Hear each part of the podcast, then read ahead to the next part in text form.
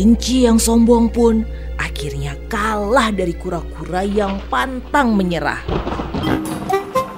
Aum, teriak singa sang raja hutan pada kawanan pemburu jahat tersebut.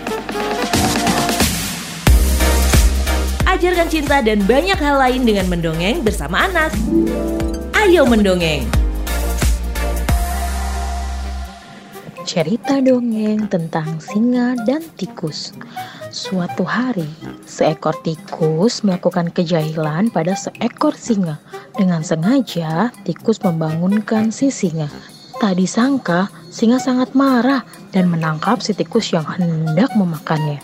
Namun, si tikus menangis, memohon supaya singa memaafkannya. Dengan berbesar hati, singa pun memaafkan dan melepaskan si tikus.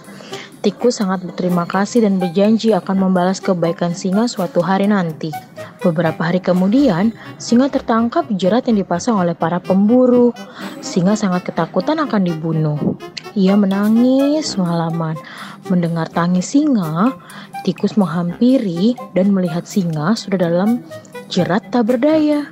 Teringat akan kebaikan singa, Tikus pun membantu melepaskan singa dengan cara menggerogoti jaring tersebut hingga putus.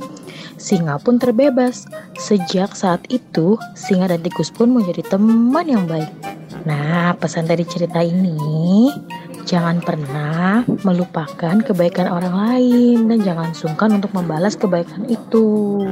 Jadi, walaupun terlihat singa itu galak, kita tetap harus berterima kasih terhadap singa karena sudah menolong tikus dan walaupun tikus itu kecil jangan dianggap remeh karena dengan giginya dia bisa membantu singa terlepas dari jari. Seperti itu cerita si singa dan tikus. Bagaimana menurut kamu?